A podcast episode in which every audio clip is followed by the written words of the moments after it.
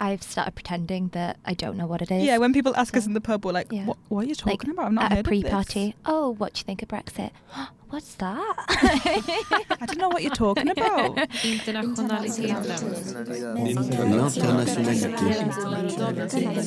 Internationality.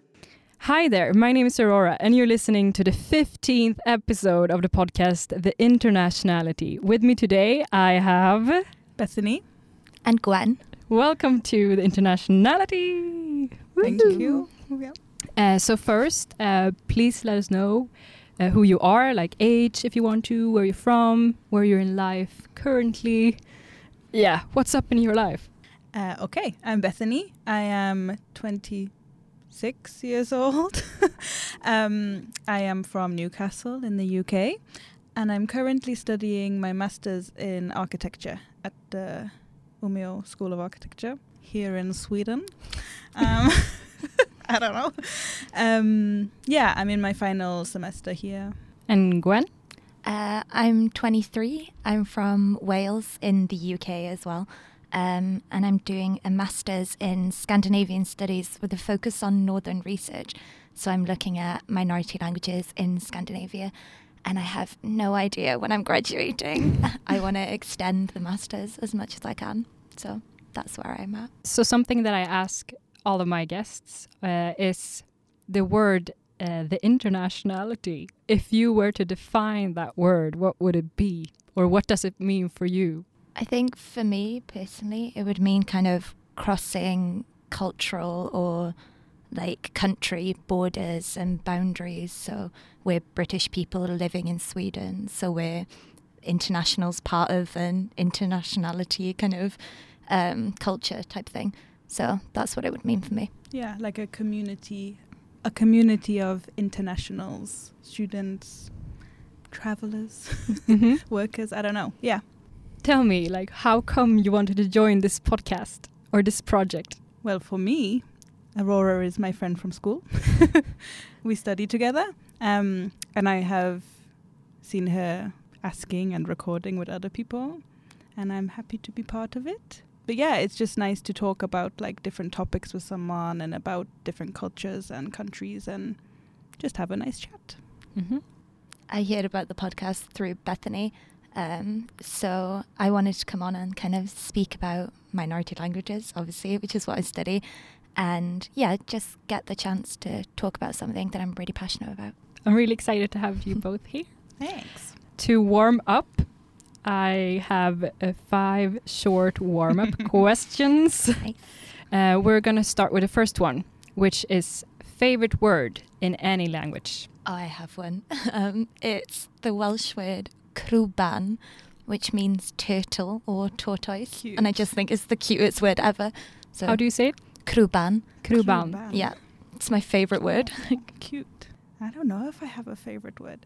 My favorite word, well, I use uh, a word that I use often to describe something I enjoy is cozy. Mm. Mm. I use it all the time. It's a good word. And also, it's quite nice in Swedish as well. Like mysig. yeah. Yeah, I think it's quite cute. I guess maybe that. Yeah, Hmm? sounds good.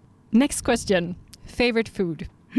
any food. Probably crumpets. Oh, that's a good one. Mm. What's crumpet? a crumpet is it's a bread based How do you describe a it's crumpet? It's round and it's like it's been f- bread but it's like fried in a pan so it's like bubbly Yeah. and it's hard on the bottom with holes in Mm. it's like a breakfast food so you'd have it like you put it in a toaster and you put butter on and the butter melts through it Wow. It's really and doughy. it's so delicious It sounds like a donut that's better than a donut. yeah it's like a savory fluffy don't um yeah, Yeah. muffin They're great. toast donut i'll send you a picture yeah, sounds good. They're Maybe we can uh, have it on the Instagram yeah as well. exactly but it's so so delicious Gwen. I have such a sweet tooth, so anything sweet. But I love baklava, like from Mm, um, yes. Turkey, like the Mediterranean. They're basically just like phyllo pastry, nuts, loads of syrup. They're so oily, but they're They're great. so I could good. eat them in like a bucket, like or Turkish delight. So Favorite tradition or cultural occasion? Pancake day. Oh, yeah. There's a pancake day. It's your Yeah. Fat Tuesday. Like this Oh. That's week. our pancake day. Okay, nice. It's just good. Excuse to eat pancakes. Mhm. So you eat pancakes and we eat semla. Yeah, Yeah. Or exactly. semlor, yeah. Mhm. Mm. I Have you think ours tried is the- less fatty. Like Sorry. ours is less kind of Yeah, it's like crepes. creamy. Yeah, Mm, yeah. probably better for you. like, Probably. yeah. But yeah. How do you usually celebrate Pancake Day? In my house it's like a quite a big we always celebrate every year. Mm. And my dad makes all the pancakes and we sit at the table with all the toppings and it's like the full meal is just pancakes. And the best part is watching whoever's making them flip it. And it's a competition every year of who can flip the Yeah. pancake, A, without dropping it, and B, the highest. So there's a lot of kitchen disasters. But I had no idea that it's this so was a fun. thing. yeah, Yeah. it's What? one of the best days of the year. Yeah. Like, Um, next question. Favorite language? Am I going to be cliche and say Welsh, which is my mother tongue? Um, I think I would. I Mhm. think I would say Welsh. like, How yeah. come you like it so much? I think every sentence sounds like poetry. It's such a melodic, rhythmic language, and there's so much history behind it. And anyone who still speaks it is so proud that they speak it, that there's kind of meaning in whatever you say in like the whole history of the language. Um, also, J.R. Tolkien, the guy who wrote um, Lord of the Rings, he wrote an essay about why Welsh is better than English. So if we've Nice. got him on our side, then I think we're winning. so yeah, totally. Nice. Bethany? I don't know if I have a favorite language. Maybe li- similar to Gwen's, and that when I was in living in Scotland, like people who spoke like Gaelic and who sung in like Mm. traditional Scottish Mhm. languages is so beautiful. Like when they have all the traditional music, and then like yeah, like Gwen said, like it's very poetic. Mm. So things like yeah, like like a ceilidh or like Yeah. a shanty or exactly. So that kind of thing. It sounds really, really. Not that I understand any of it, but it sounds beautiful. Mm. So moving on to what uh, Gwen is studying. yes. Do you want to like tell us a little bit more about your studies within minority languages? Yes. Yeah. So I'm currently focusing on minority languages within Sweden, specifically the Sami languages and specifically within education. So I'm hoping to write my dissertation next year, um, mapping Sami knowledge across all of Sweden. So seeing if there's a trend of school kids in the north knowing more about the Sami language, culture, heritage, anything, um, than there is in the south where the Sami obviously don't live. So I'm hoping to kind of get a more personal Swedish insight into Sami and not just kind of learn it from books, which is unfortunately what I've been doing up until this point. Mm. yeah. How come you decided to study this topic? Um, mainly because I speak Welsh, which is a minority language. So I'm quite passionate about developing and promoting um, minority language research, education, status all across the world. So yeah, I did my bachelor's in Scandinavian studies, came here on Erasmus, found out that there was a uh, Umeå Centre for Sami Research, and just kind of fell in love with the idea of coming back. So I came back When was the first time you were here? uh, three years ago. Three So- years ago. Yeah, I did a full Erasmus year here and fell in love with the place. Oh. So I went back home to graduate and came back for a master's, and I keep extending it. So How long have you uh, been doing your masters? I should graduate this year, but I may graduate next year. I may Mhm. graduate the year after. Like my mum's convinced I'm never coming home. So Yeah.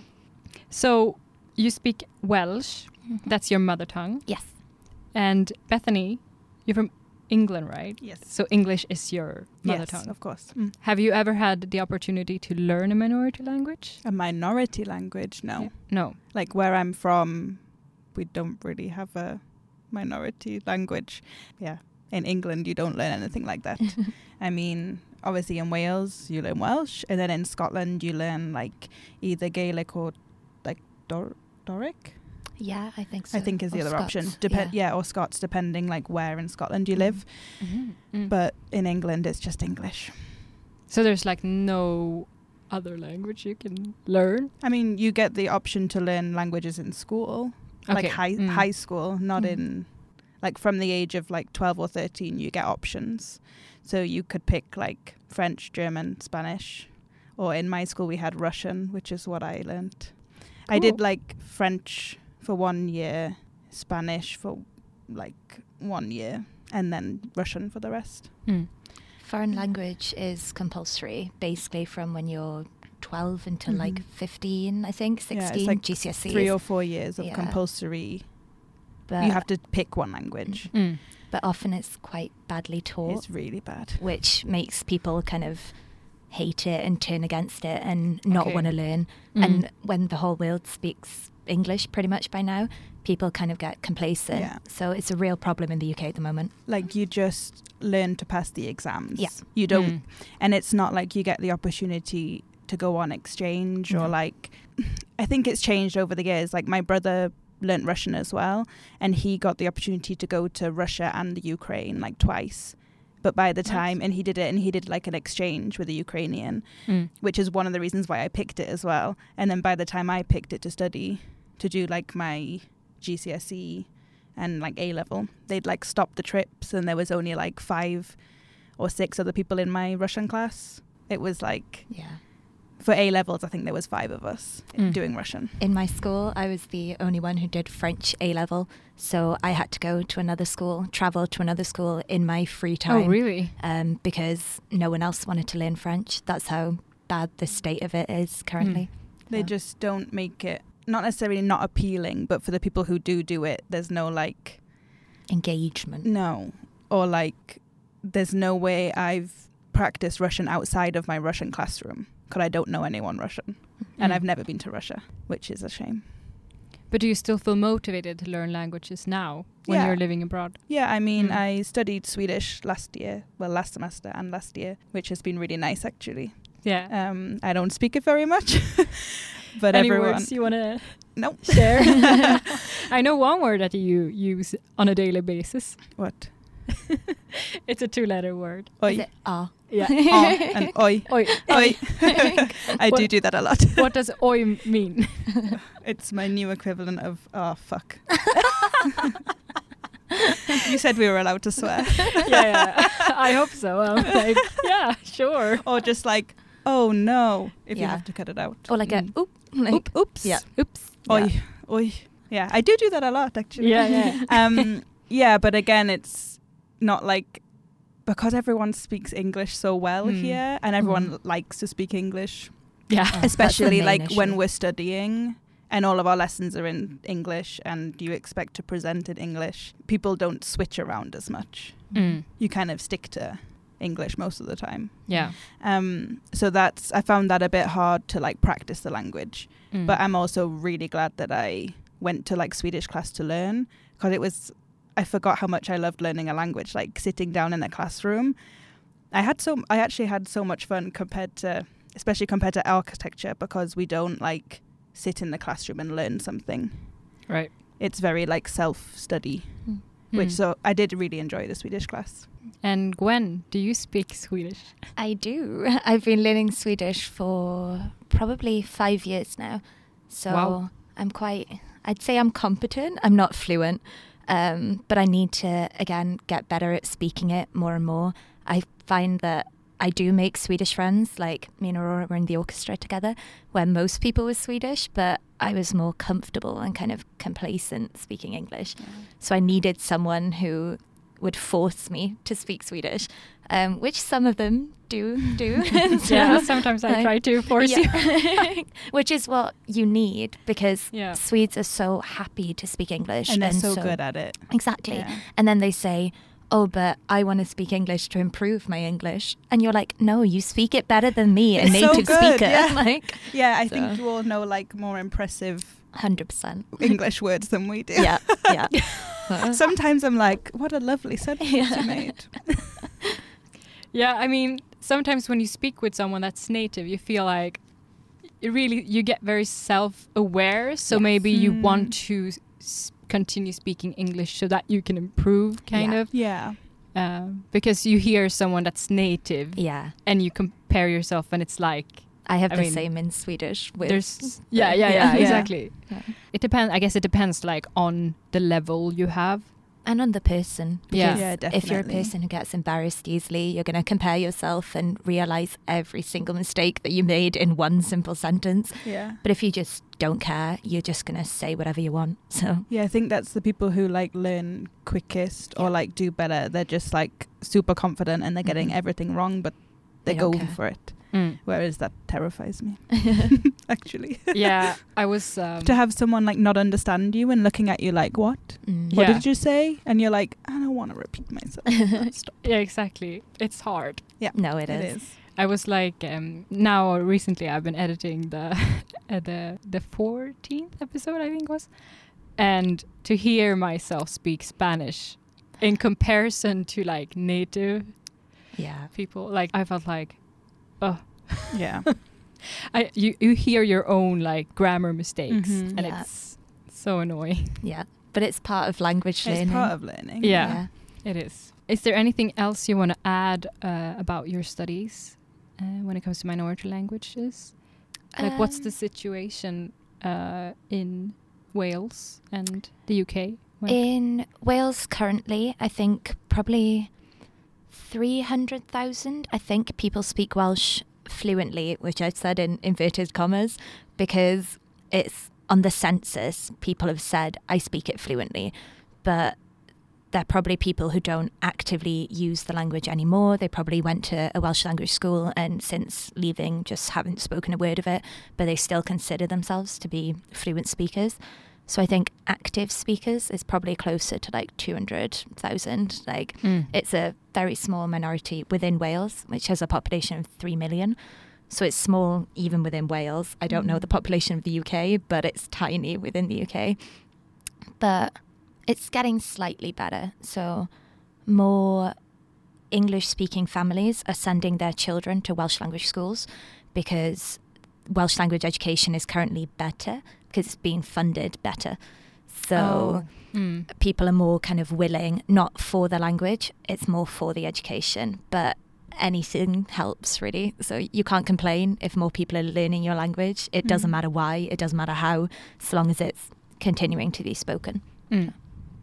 I think the decline of Welsh and why it's kind of in the state it's in might be because of English influence on Wales. So Wales was its own country before England took over in 1182. So Wales hasn't been independent since 1182. So So long ago. I like to call it England's first colony. So um, I'm not sure if that's technically accurate, but I would say we've been colonized. Um, and when that happened, um, the Welsh language became illegal. So it meant that Oh. less people spoke Welsh with their children, and then there was a generational decline. And then it kind of went back up. And then in the 18th century, um, English education kind of had more of an impact on Wales. And if you spoke Welsh in school, you would have to wear um, a thing around your neck called the Welsh knot. And if you were the child wearing it at the end of the day, you would get a beating. So the Welsh language was literally beat out of a generation of children, and we're still recovering. So That's insane. Yeah, that's crazy. probably why we're where we're still at. But Yeah. Mm. That's. I had no idea. yeah, oh no, my god. a lot of people don't know. It's not Yeah. Welsh history. Also, isn't taught even within Wales. Yeah, and it's So- definitely not taught in England. No. I mean, we don't even learn like. I literally live like an hour from Scotland, Mm. and I don't learn Scottish history. No, It's No. it's crazy. we like barely the learn. British yeah, history. that's true. Mm. Do you think there's there's like any differences between England and Wales that you've noticed, like in between the two of you?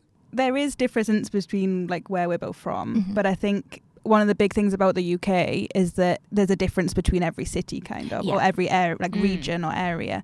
Because I'm from like the northeast, I have even a bigger difference from your experience of Gwen's experience of the UK. Because Mm. you, when you went to uni, you moved to London, Yeah. and London is very, very different compared to Newcastle, Yeah. where I'm from. Yeah. So even that, it's like we probably have different English experiences, I would agree. and then Wales in comparison is something completely different. Mm. So I think it's really hard to sort of like put one kind of label on England and Mm. then on also on Wales and on the UK in general, because everywhere is so different. I think, but I think that's one thing I like about it is there is so much difference just driving like an hour. Mm. You have like these mini cultural regions of like Yeah. weirdness. They're like little pockets. like, yeah, it's so- and some of the like cultural city norms are kind of strange as well. Yeah. Even like food and what you call changes. things. What you I call mean, like a bread bun. Yeah. Like a bread roll, a bap. we would call it a bap. A bap. A bap. or Yeah. a s we, we call them stotties, okay. like the big ones. A bap or a stotty. Mm. Hmm.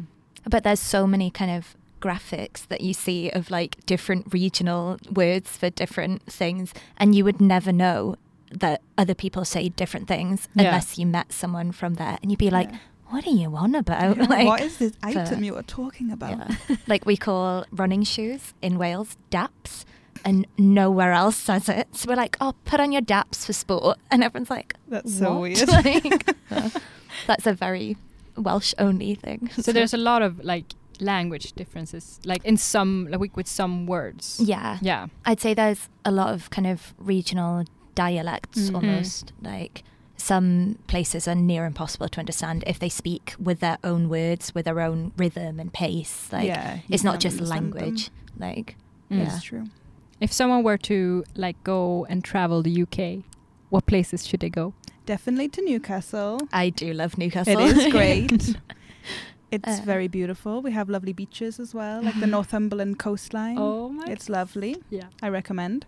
Um, and also great for a night out and a cheap Oh, beer yeah. in a Mm. pub. Great pubs, great Yeah. beaches. I would recommend the Gower Peninsula, which is again we have lovely beaches. It's quite Yeah, close to so Swansea, where I'm from, and you can go like rambling, like walking, and you can go in the sea and surf, and it's just absolutely stunning. Yeah, I think people don't realize how much stuff like that the UK has. Yeah. Like when I tell people that I like surf back home when I go back, and people are like, "Where? Like Yeah. what?" And I'm like, "We have like really good surf spots, and Yeah.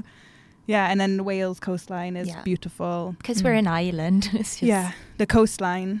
Basically, just drive around the coast Yeah. of everywhere. um, and I definitely recommend going to Scotland. Mm. Yeah. Like living in Scotland for a year was like the best decision I ever made. Just driving around and like hiking in forests and mountains and it was just amazing. And again, cheap pubs, good music, good live people. like live music in pubs Mm. is like such a big thing in Scotland and I really miss it.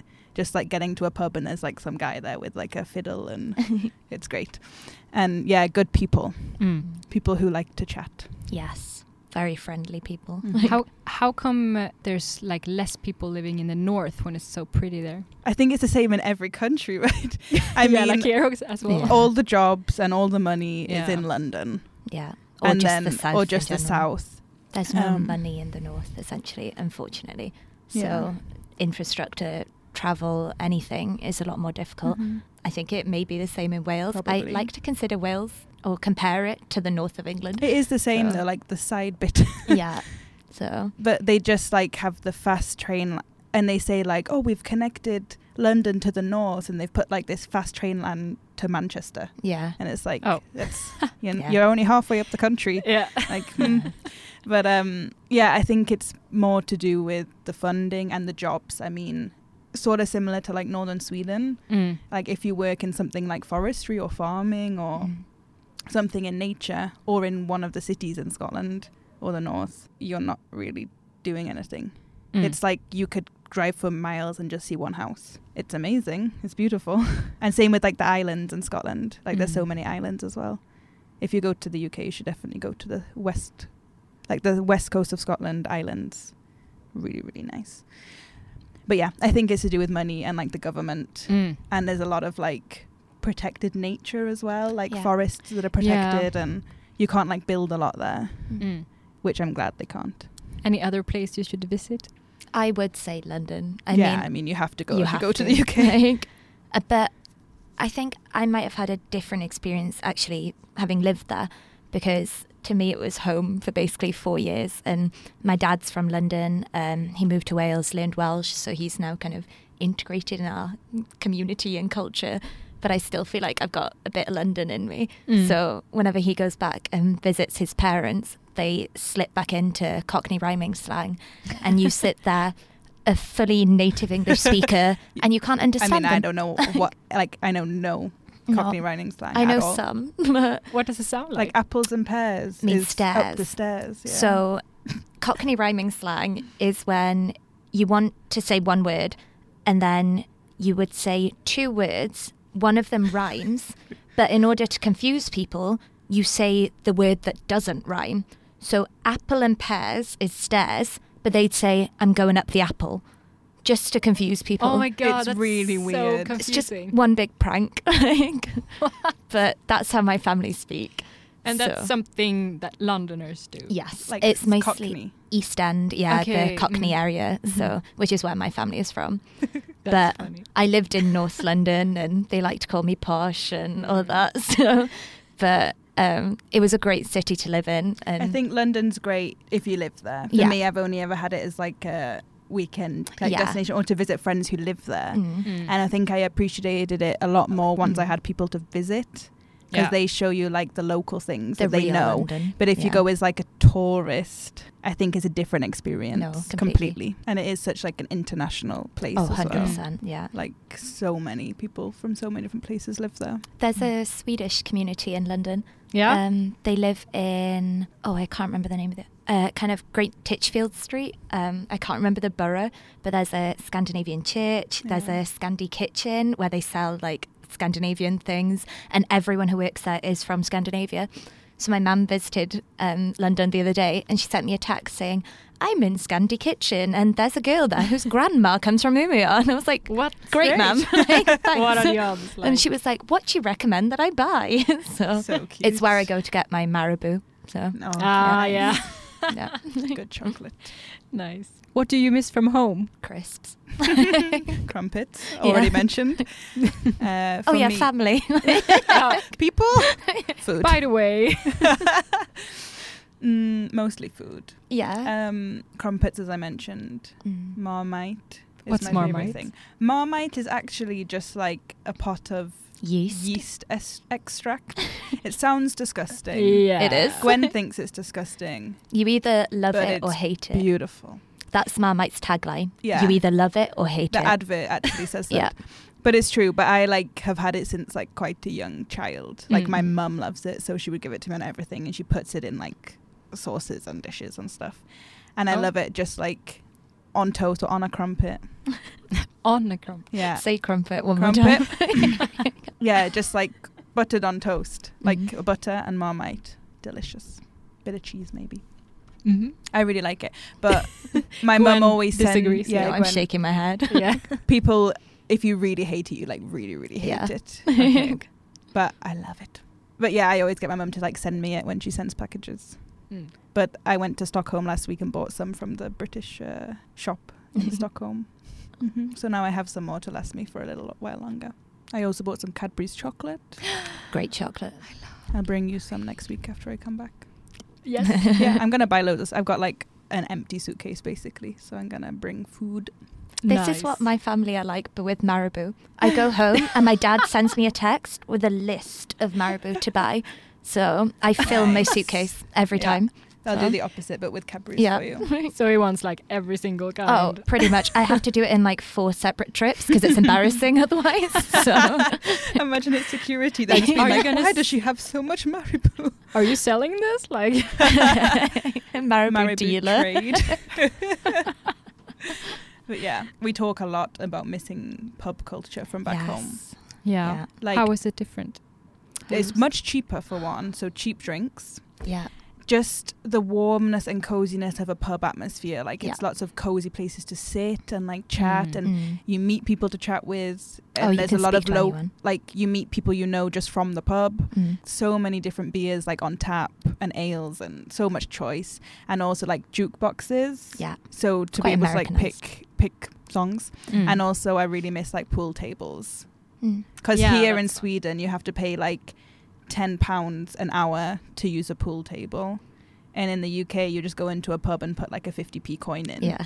to play Oh my one God, game of pool yeah. and then when you're done you just so you just have like your change from your pint at the bar Mm. and everyone just puts it in the pool table yeah. It's also great. so normal to just have a pint after work. It's Yeah. like, oh, should we go down the pub, just have one pint and go home? Yeah. Mm. Whereas I think in Sweden, because alcohol is so expensive and there's such a monopoly on it and it's so kind of regulated, Swedes only drink to get drunk. And they do it at weekend. It's like Yeah. Mm. on a Which weekend is- they go and get very drunk Yeah. at the pub till and really late. drink. Like, It, I find it. I found it really strange when I first moved here mm. because like everywhere else I've lived, you just say yeah after work or Yeah. after uni. It could oh, be like a Monday. just go get a beer? yeah. Or like you yeah you're walking home from somewhere and or someone texts you we're in this pub. Do you want to just come for one? Mm. It's like the way that you socialize Yeah. is Yeah. at the pub kind of. Oh, it's unhealthy. but but it's potentially just like one pint though. yeah, yeah. And like people go and they don't even like drink drink sometimes. They have like a, if they're driving, they'll have like a lime and soda or something. Mm. It's the place to like relax after your day at work kind Yeah. of. You unwind at You the go pub. on your way home. I feel like there's a pub on like every kind of street corner. Yeah. Yeah. Like every neighborhood has several pubs. Yeah. Whereas in Sweden, like well, in Umeå, I think in Stockholm it still happens. You can still Mm. yeah, probably. find pubs and bars on street corners, but in Umeå, like you have to go into the city center. It's also Mm. interesting that almost all the pubs in the city centre are based on British pubs yeah, like or like Irish pubs. And Bishop's Arms. Yeah. That feels and Lotta's. Yeah. It feels like home. Like yeah, we love going to them. Yeah, Mm. Lotta's is our favourite. There's a Like London bartender. it looks like a British pub. you don't feel like you're in Sweden. So Yeah, we like to go there. I think that's the difference. It's like a social norm in the UK Yeah. just to Mm. go for one pint to socialize. The living room co- like is kind of more public in a way than like because in Sweden it feels like it's more common to like maybe hang out at home mm. instead of buying like out, at least if you're a student Yeah. maybe Yeah, but I think that's to do with like the price as Yeah. well. And kind of I mean, growing up from a young age, I would go to the pub with my parents, Mm. not to drink obviously as have a like a meal. child, but you go to the pub on like a Sunday afternoon Mm. as like a thing to do as the Oh, family. we call Mm. it pub grub. Yeah. Like you have pub food. oh yeah Or like pub grub. me and my parents used to do a lot of like walking like we went to like the like national trust properties or something like country houses and like places you can like walk Mm. as like family days out and usually at the end of one of those types of walks it ends at like a pub Oh yeah. so then you have pub food and a few drinks or like you would go for a cycle me and my dad used to like go for cycle rides Mm. and you would stop halfway at a pub to Mm. have a pint and a packet of crisps and then you carry on it's like part of like family Mm. culture as well as friend culture which i do miss quite a lot Yeah. yeah and i think i visit more pubs here when my i mean we go quite a lot Yeah. but like when my parents come to visit my mum and dad last time stayed near like Grenna Allian hmm and every day it was like should we just go in oh no should we just meet there and Yeah. i'm like yeah okay so like i was when they are here i go to the pub every day yeah when they visit. It's just like ingrained into us. Mm. mm. But then we also do the thing of getting really, really drunk on a weekend. So We do both. yeah, we don't do anything Especially in halves. as like teenagers. Yeah. Like when you turn 18, you start going like out clubbing for the first time. Mm. Mm. That's dangerous in the Yeah. UK. Yeah, I can imagine. I was gonna say like maybe it's like healthier to like just go to a pub and have a pint now and and or like every day, whatever. It is, but we then also binge than drink. Just, yeah, then just like intensively drink Yeah. during two nights. But then if you do both, I mean, yeah. yeah, I we think adults do, do, one. Adults Yeah. go to the pub. But like between the age of maybe like 17 and 25, you do Yeah. both. Anything else you miss from home? I do miss speaking my language. Mm. Like I find that sometimes when I call home, it takes me a while to get back into Welsh because I've been speaking either Swedish at work or I've been speaking English with my friends. So I kind of miss just the ease of being able to switch off my brain and speak my mother tongue. Yeah. But then because I haven't used it, I have to actively think to get to the point of Mm. being comfortable. There's a Swedish woman here who is learning Welsh. There's a bartender from London, and his wife is Swedish, and she's just obsessed with the Welsh language. So I need to meet up with her at some point so I can speak my mother tongue with a Swedish woman in in my arm. but It's that so would be random. great. Yeah. She said she can speak to me in Swedish for a little bit in exchange. So That's kind of the nice thing about living here as well, though. Like you meet so many different people Oh, who yeah. were also really interested in like international things. Yeah. I feel like a lot of people here, like you meet them, and even if they're Swedish, maybe like their wife or their partner or someone is from a different country. Yeah. Often, especially here in Umeå, like I've met so many people that have some relationship with another country, Yeah. Yeah. and I think it's it's so interesting to meet those people. Like it's so nice. And that's Mm. what is great about this place, but that's what also sucks because I feel like you can never kind of make permanent roots Yeah. because the people are ever changing, people leave, people That's go back to their home countries. So you get to meet all these amazing, incredible people, but then there's no kind of permanence to it.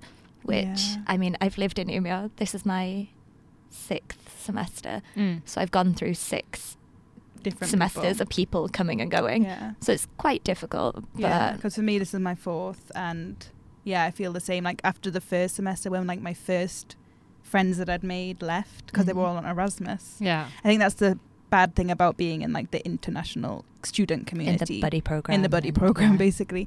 Yeah, like all the people in my buddy group left, Yeah. and there was like one person left and me, and I was like, yeah. So it was, incredible. It was really hard, but then also it's like, how am I ever going to visit all of those people? Yeah. you Mm. end up with this such big network of people and i already struggle to see all my friends from like back home Mm. and then my friends that i met in my bachelors who were like erasmus or like friends who i have live in a different country or i've met when i'm traveling like i have them all on facebook and i see everything and i'm like when do i have time to like visit all of these people Mm. Mm. It's It's the so great difficult. thing and the worst thing about kind of the world becoming smaller. Like you get to meet all these people, but then once they start leaving, the world suddenly feels really, really Yeah. big. like, Yeah. So it is really Yeah. strange it's great i mean No I, honestly we're ve- yeah we're very lucky to be Yeah. able to meet those people in the first place and be in the situation where we can travel and live somewhere Yeah. we have the financial means to do it Mm. and the political kind of like freedom. Almost. yeah freedom to do it which Mm. a lot of people don't so Yeah. like we're really lucky in that sense but then yeah it does feel really shit when like When you have to say people then yeah. Yeah. there's so many goodbyes Yeah, I like know. all the time And Mm. nothing feels permanent because you know it's just going to end. Not to be depressing. oh let's just all cry I feel that's the But- problem you you have to sort of like live in the moment Yes. all the time when Yeah. you live abroad Yeah. it's so difficult but you just have to learn to live in the moment and Yeah. not take Mm. anything like too seriously No. kind of and to not put your life on hold just because you know it's going to end. yeah Like Yeah. that's not the way to live your life. You've just got to do Mm. whatever, whenever, with whoever's still there. so like, whoever you can find exactly, And that's why me and Gwen hang out because Yep. we're the only ones left. and we live in the same country, so it makes it easier. How come you uh, came to Sweden? Why Sweden, of all places, to do your master? Mine's quite embarrassing. Why? so Let's hear it. I know your answer already. so I wanted to learn a language as a bachelor's, but I didn't want to be 23 and still studying French. So I was like, I'll pick up a new language. And I love Eurovision. And Oh, I yeah. just happened to be listening to a compilation of all the winners. And I heard the song Diggi-Loo Diggi-Ley. And I fell in love with the language. And I thought, I'm going to start learning that. so I picked up Swedish because of a really, really bad Eurovision song. And And golden shoes. yes, and golden shoes. I'm here I mean, because of golden shoes. Totally how worth it. Gwen makes life decisions. yeah, based on Eurovision. And then for my year abroad, we could choose between going to Uppsala, Gothenburg, and Umeå. And basically, all of my friends in my class were like, "Oh, I could visit Umeå, but I'd never live there." And I was like, "Do you know what? I'll do it."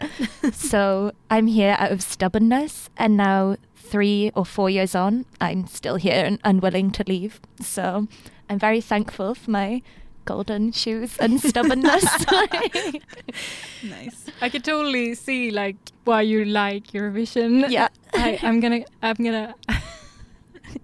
I have something to confess. Yes. Like, sometimes when I'm watching Eurovision, it's not like I'm watching it every year, but like the times when it happens, I get like really emotional. No way. You're like, oh my god, all those countries working together and celebrating and you see the flags. like, I mean, it is Yeah. nice. it is. It's the one of the best nights of the year.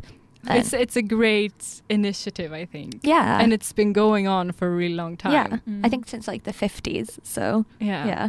It's So, a yeah. great thing. I do get emotional sometimes about that. I love that. Is that why you do this podcast? because of guess- Eurovision. yeah, exactly. It all starts with Eurovision. yeah. I guess it's a similar kind of thing or a similar initiative of getting international people speaking about their You want us to cultures, sing? combining. Oh, can I sing Digaloo Digaloo? So I want to work for Eurovision. This is why I'm doing this. As a first step. yeah. How about you, uh, Bethany? Mm, for me, I wanted to study abroad somewhere, but I never really got the chance during my bachelor's Mm. because for some reason, when you study architecture in the UK, they basically tell you not to go on Erasmus, which is stupid. Mm. Um, because they have such like strict kind of pathways and rules and regulations of how to become an architect. They don't like trying to like compare other countries' qualifications with it. But then that's really unfair because we also have Erasmus students come to us to Yeah. study. So I found that ridiculous. So I, one of my best friends, Teresa, was a Erasmus student who came to me in second year, and we lived together, and sh- we studied in the same class on the same course, and that made me realize like, oh, Erasmus is a thing. Mm. Like, oh, I didn't. I mean, I realized it was a thing, but I didn't realize like the possibilities Yeah. and like how positive it was as a thing. I mean, I'd always like to travel, but I'd never really considered overlapping traveling and studying and working and stuff. So I was like, oh, this is interesting. Looked into it, realized it wasn't really a possibility. And a Mm. lot of the master's programs in the UK definitely don't recommend Erasmus. So, like, if you were going to do it, you should have done it in second year, not in the master's Yeah. because then you're starting to do like thesis things and Mhm. stuff. So then I started like, oh, what else could I do? Oh, I apply for internships. And then I'm one of my years out because in the UK you have to take like a year out to work between bachelor's and master's anyway. I did it the first year that I took a year out, which turned into three years because I never went back. but um, the first time I was looking for my like part one job, I started applying for internships, and then I started looking at like Denmark and Sweden Mm. because in terms of architecture, I've always been like into like Scandinavian architecture and design. So that was like a dream. I applied to loads the first year, didn't get an internship. Applied to some the year after, didn't get an internship. so Yeah. instead, I went like traveling around Asia and stuff. And then I thought, now I need to make a decision of like what to do next. Mm. Because then it got to like the third year of working, and I didn't have a plan. And then money became an issue. I'd waited so long that I could no longer get like the funding from the UK for my masters. Okay. Yeah. So then I started researching places that I could go that was for free, which Yeah. is basically the whole of Scandinavia. Yeah. So I applied for every single architecture school in Denmark and Sweden. The first year I applied, I didn't get in anywhere. Okay. Yeah. Uh, so that became my third year working, which is when I moved to Scotland instead. And then I applied again and I got into Umeå. So I got in here. And it's the only place I got in. I was on Yeah. like wait lists for every other university. I was like number six on the wait list for like in Stockholm and in Copenhagen and in uh, Gothenburg. Shit. And Yeah. I was like, oh, fuck it. So I just cancelled all of my wait lists and I just said yes to Umeå. Yeah. And that's how I ended up here. Nice. And the positive about that is that I don't have to pay for university. It is a big draw. like it's such a big difference. Like if I was studying my masters back home, at the two universities I was going to study, and I was either going to be in Wales or in Glasgow, it would have been like ten thousand pound a year. Mm. It's yeah. crazy. And if I can't get the funding from the government anymore, I was like, I can't really afford this, or like I don't want to get into more debt Yeah. by getting exactly. loans Yeah. and blah blah blah. And the great thing about Scandinavia, or maybe it's just a Sweden thing, Mm. is that you can kind of there's no rigidity. Yeah, it's Like, really it's flexible. not. Yeah. Mm. So I'm taking my um, magisteruppsats next year because I couldn't manage to do it last year, and my tutor told me just stay. Like it's Yeah. free. We don't want you to be too stressed that you're going to fail your other modules. Whereas in in the UK, everything is so It's so pressure. strict. Yeah. Mm. and like you've paid this much money to go to university but even when you're there everything is like you've paid to do this Yeah. and therefore you have to put in Mm. It's high pressure, all of high your stress. time Yeah. all your stress all your money all your effort Yeah. and you kind of feel like you have to get good grades out of it and like do really really well because you've paid for it yeah. There's no Whereas flexibility. here it's free. People come and go. People like start at different stages in their life. Yeah. That's the other positive I think about coming here is like meeting other people who are doing their masters at like 26. Mm. Like if I was back home and I'd gone the whole way through, well, if people had gone the whole way through, like I could have technically graduated three years ago from my Yeah. masters, right. or two years ago, I think it works out as. Like I would have ended up in a class with people who were like 22, 23. Yeah. And here, there's like people on our course in architecture who are like in their 30s, in their 40s. Yeah, exactly. And I think that's really refreshing, like atmosphere to study in. And there's less of like a hierarchy between like staff and students, and everyone's kind of just collaborating Mm. especially for architecture, I think that's a really nice environment. Yeah. It feels very creative and nice and free. So I'm really glad I made the decision to come here because it's way less stressful and way just nicer. And I have nice nature and weather Yeah. when I want to take a walk or take a break. When are you guys graduating? Next question. Next question. Well- so uh, there's this thing called uh, Brexit. Oh no, that's the worst Next question. What's gonna happen when you get back? we don't know. That's the problem. Okay. No. Mm. Will they have us back? I don't know. Will they force us to allowed come back? Yeah. that's the problem for me because I'm graduating in June along Mhm. with you. How exciting. Or scary. I'm not sure. Yeah, I'm mostly feels like- scared for it rather than excited. Both. Yeah, I think same. both. It's like a door at graduation, and you don't know what's gonna. Where does the door afterwards. go? Yeah. And for me, does the door mean that I'm no longer allowed to stay in Sweden because of Mhm. Brexit? So I need to make some decisions. And I, yeah, that's the problem. Like, we don't really know what's going to be allowed or not allowed, or like the kind of hoops we have to jump through Yeah. Yeah. to be able to stay. Mm. Like, we have no idea. No one does. That's the biggest issue with it is that we can sit here and speculate all we want, but the British government can turn around and do the Whatever complete they opposite. want. Or the Yeah. Swedish government can refuse to accept Britain's offer or whatever. Mm. It's all about Britain's liaison with other countries. And right Which now we just at. don't have a good relationship with most of Europe. So it's all very much up in the air. Yeah. Yeah. I think it's really a shame. Like, It is. it's even though right now technically nothing's changed, Yeah. I think people's opinions have changed a lot and people are less willing to sign up for Erasmus or sign Oh, up yeah. for a master's abroad, an Internships, yeah. internship, a job abroad because they don't know where they stand. Yeah. yeah. And I think that's so sad. And a lot of com- companies are just leaving the UK or they're refusing Yeah. to accept internships, apprenticeships from British Yeah. people because they're not sure if they're going to be there for how long the contract will last Yeah. because they don't know if it's going to be economically better for them to move to Germany or Sweden or whatever. So everything's just quite difficult at the moment. Yeah. I think it's really sad It is. for like how we were saying before that it's nice that the world is becoming a bit of a smaller place Yeah. because Mm. it's so easy. And I think it's really sad that the UK is like We're distancing, separating yeah. themselves from it from something that's so easy right now Yeah. like me coming here well both of us coming here to study a masters is so easy yeah. you just send in an application and if you they say yes Yeah. You I li- you don't yeah there's nothing Mm. else you have to do Mm. It's kind of robbing a future generation of the opportunities and the that we've had. experience yeah. And that the people who voted Brexit Mm. also had. Like, I mean, a lot of the poorer communities in Wales voted for Brexit. And I'm not going to make any sweeping statements about like why that might be. But when you drive through these areas, there's all these signs saying, this building plan is brought to you by the Council of Europe or the European Yeah. Union. There's signs everywhere saying the EU paid for this. but it's the EU same in the north of you. north of Yeah. England like where I'm from Mm. they don't get that much funding from the UK government No. they are getting like the extra things from the EU Yeah.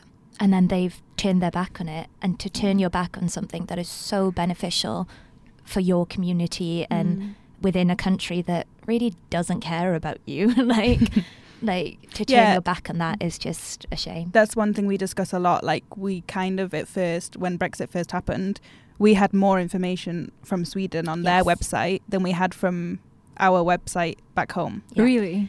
And we were both like, What? that proves a point. Because Also- in Sweden, they were saying, like, we will do our best to Yeah. protect your rights and keep you here. Yeah. Like, we want you here. Mm. There's so many Brits in Sweden, like, Yeah. so, so many. yeah. It's the Swedish government that said nothing's going to change for you until is it December thirty first this yeah, year. it's like December 2020. They're keeping everything the same, and it's the Swedish government doing that. The British government has given us no information at all, so it shows how much they care about their own citizens. Like, so Yeah, I think Sweden wants us here more than the UK yeah, doesn't. yeah, yeah. So hopefully that's a good thing though for us. Yeah. That like maybe they'll forget about us. Yeah. Mm. But that must be so stressful, not knowing what's gonna like, what the hell is going on? Yeah, it's a Yeah. bit weird. It's like the unknown, like you said, of graduation and going through this door and having an unknown. It's like I have that plus the Mm. Brexit Yeah. unknown of like if I Oh, make a decision to stay in a different country, yeah. how is that going to affect me? Am I going to be allowed to? Am I going to have to pay extra? I don't know if next year I'm going to have to pay to Yeah, stay tuition or here. not. Yeah, tuition. oh yeah. Everything's just so open ended. Mm. Like literally anything could happen. You could tell me anything, and I'd be like, Yeah, yeah, probably. like sounds legit. like, Oh I my think I'm quite glad that I. One of the reasons why I came here when I came here Mm. was because the Brexit vote had Yeah, same. happened, and my mindset was like, it's now or never. If I want to study abroad, because we knew it was like not really going to go through for another few years. Mhm. I was like, it's now or never. This is my last opportunity to live abroad, yeah, knowing that same I'll be way. allowed Yeah. without consequences. Mm. So Mhm. that's kind of the main reason why I just like took the jump and did it. Mm. I'm really glad I did because Yeah. now I'm like I, I I timed it quite well. Yeah, you did. I've started pretending that I don't know what it is. yeah, when people ask us in the pub, we're like, Yeah. what, what are you Like, talking about? I'm not at a heard of this." pre-party. Oh, what do you think of Brexit? What's that? I don't know what you're talking about. it's fun. I'm not that into politics. I don't really like politics. Yeah, it happened with like the elections as well. Like, oh, Oh, how do you feel about Boris Johnson? And we were Oh. like, who? Yeah, I don't know who you're talking about. it's a bad time to be British. Yep.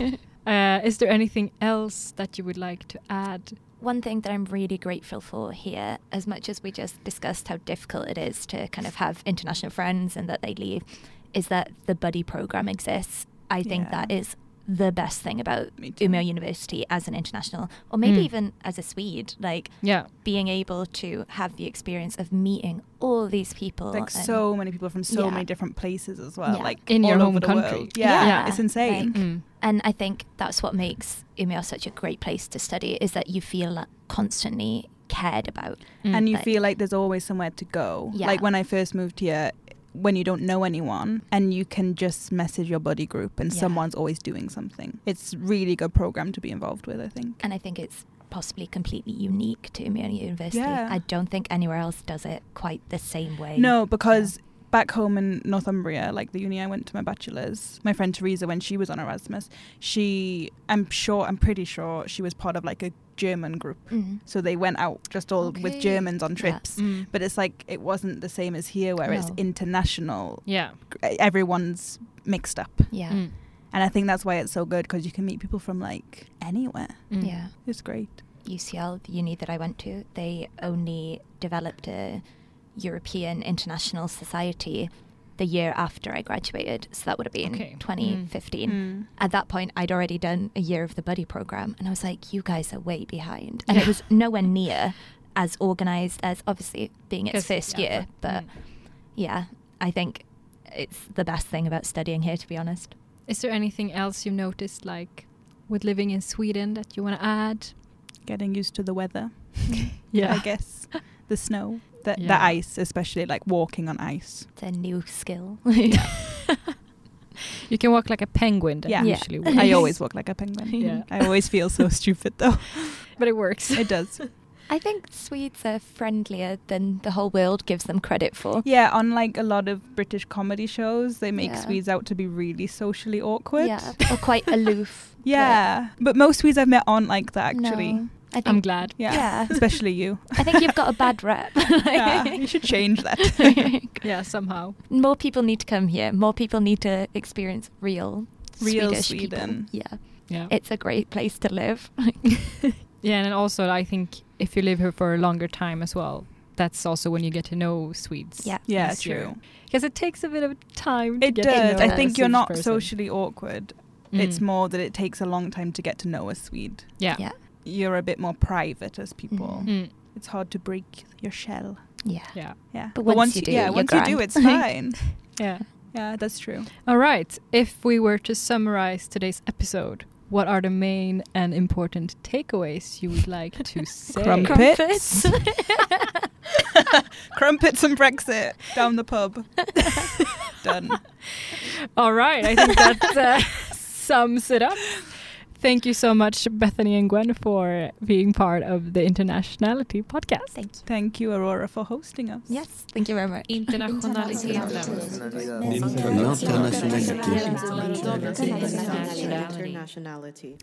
You've been listening to the 15th episode of the podcast, The Internationality. To see some photos of Gwen and Bethany, please visit our podcast Instagram, The Internationality Podcast. For more podcast updates, you can also follow us there. Do you feel like you or someone you know could be a future guest for this podcast? Please contact us with any suggestions you might have and write us a short motivation why, either by sending us a DM on Instagram or emailing us on theinternationality at gmail.com. This podcast has been shared with you through Umeå Student Radio at Umeå University. There will be new episodes every last Wednesday of the month. My name is Aurora. Until next time, take care and stay curious about the world.